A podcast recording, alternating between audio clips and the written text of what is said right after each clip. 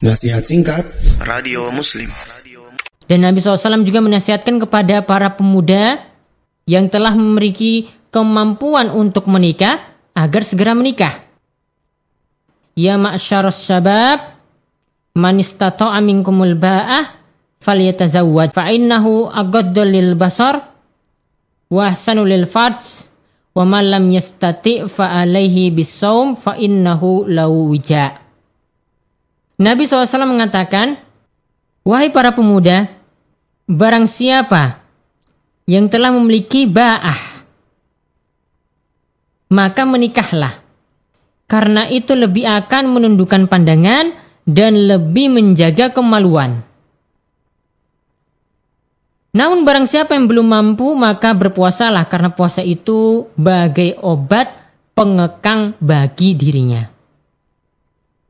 Maka dari hadis ini, ya, yang pertama di sini Nabi SAW mengisyaratkan bagi para pemuda dan para pemuda yang dimaksudkan di sini ya menurut Imam Nawawi dan juga ulama-ulama Syafi'iyah yang namanya syabab, yang namanya pemuda itu adalah selama orang tersebut belum mencapai usia 30 tahun.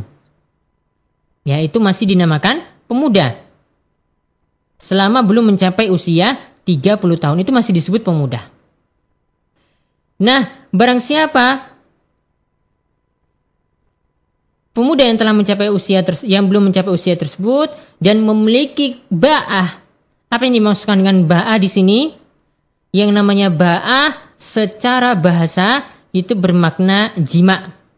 Bermakna bersetubuh antara suami istri. Ya, kalau berarti kalau diterjemahkan secara bahasa, Bahas secara bahasa, barang siapa yang memiliki kemampuan untuk berhubungan suami istri, maka menikahlah. Ini pengertian secara lugoh, secara bahasa. Intinya dari bahasa Arab. Namun mengenai pengertian ba'ah dalam hadis ini para ulama itu ada dua pendapat. Mengenai pengertian ba'ah dalam hadis ini, wahai para pemuda, barang siapa yang memiliki ba'ah maka menikahlah. Di sini para ulama memiliki dua pendapat. Pendapat pertama yang memaknakan ba'a di sini sama dengan pengertiannya secara bahasa. Ba'a di sini sama eh, sama eh, dengan pengertiannya secara bahasa. Yaitu bermakna jima. Bermakna hubungan antara suami istri. Namun di sini para ulama katakan walaupun itu maknanya jima, Walaupun itu maknanya berhubungan suami istri, namun tetap yang dituntutkan dalam masalah ini adalah tetap harus memiliki kemampuan dalam memberi nafkah. Ya, tetap memiliki kemampuan dalam memberi nafkah. Artinya, dia dikatakan telah mampu berjima di sini adalah dia telah mampu berjima dengan sebelumnya telah memiliki kemampuan untuk memberi nafkah kepada si istri, kepada sang istri. Ya, ini pendapat yang pertama yang mengatakan bahwasanya yang dimaksud dengan ba'a di situ memiliki kemampuan untuk berjima namun dengan syarat dia sebelumnya telah memiliki kemampuan untuk memberi nafkah kepada sang istri dan keluarga nantinya. Kemudian pengertian yang kedua, ulama yang memaknakan ba'a di situ adalah telah memiliki kemampuan untuk memberi nafkah kepada sang istri dan keluarga. Kepada sang istri dan keluarga. Jadi kalau dimaknakan, wahai para pemuda, barang siapa yang telah memiliki kemampuan untuk memberi nafkah, maka menikahlah. Maka sebenarnya dua persisian di antara para ulama ini sebenarnya memiliki titik kesamaan. Artinya dua-dua pendapat ini sama-sama menyatakan orang yang diperintahkan untuk menikah ini telah memiliki kemampuan untuk memberi nafkah kepada sang istri dan keluarga. Kepada sang istri dan keluarga. Ini yang dimaksudkan dalam hadis ini. Jadi bukan hanya sebatas telah mampu berhubungan suami istri, tidak seperti itu. Ini pemahaman sebagian pemuda saat ini. Tatkala mereka mendengar hadis ini, mereka menyatakan barang siapa yang telah mampu ya berhubungan suami istri maka menikahlah. Jadi cuma sekedar telah memiliki kemampuan artinya dia sudah dewasa, dia sudah punya kesempatan untuk menikah, punya kesempatan untuk membina hubungan rumah tangga. Ini pemahaman yang keliru. Para ulama tidak memanakan seperti itu. Dua persen di antara para ulama tadi memiliki satu titik kesamaan yaitu mereka tetap menyuruh agar pemuda tersebut telah memiliki kemampuan untuk memberi nafkah.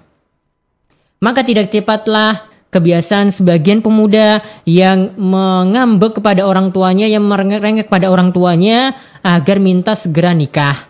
Padahal dalam masalah makan masih mengemis pada orang tua dalam masalah kehidupan sehari-harinya masih minta sana sini kepada orang tuanya, belum bisa memiliki penghidupan untuk menghidupi dirinya sendiri apalagi menghidupi keluarga.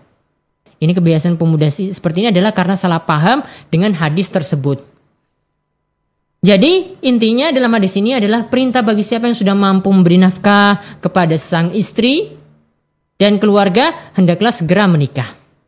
Karena apa tujuannya di sini?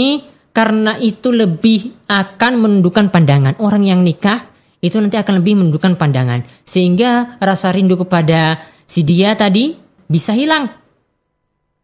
Cinta yang melanda tadi bisa uh, bisa terpendam, bisa teredam karena dia lebih mudah menundukkan pandangan dengan menikah. Dan ini juga akan lebih menjaga kemaluan.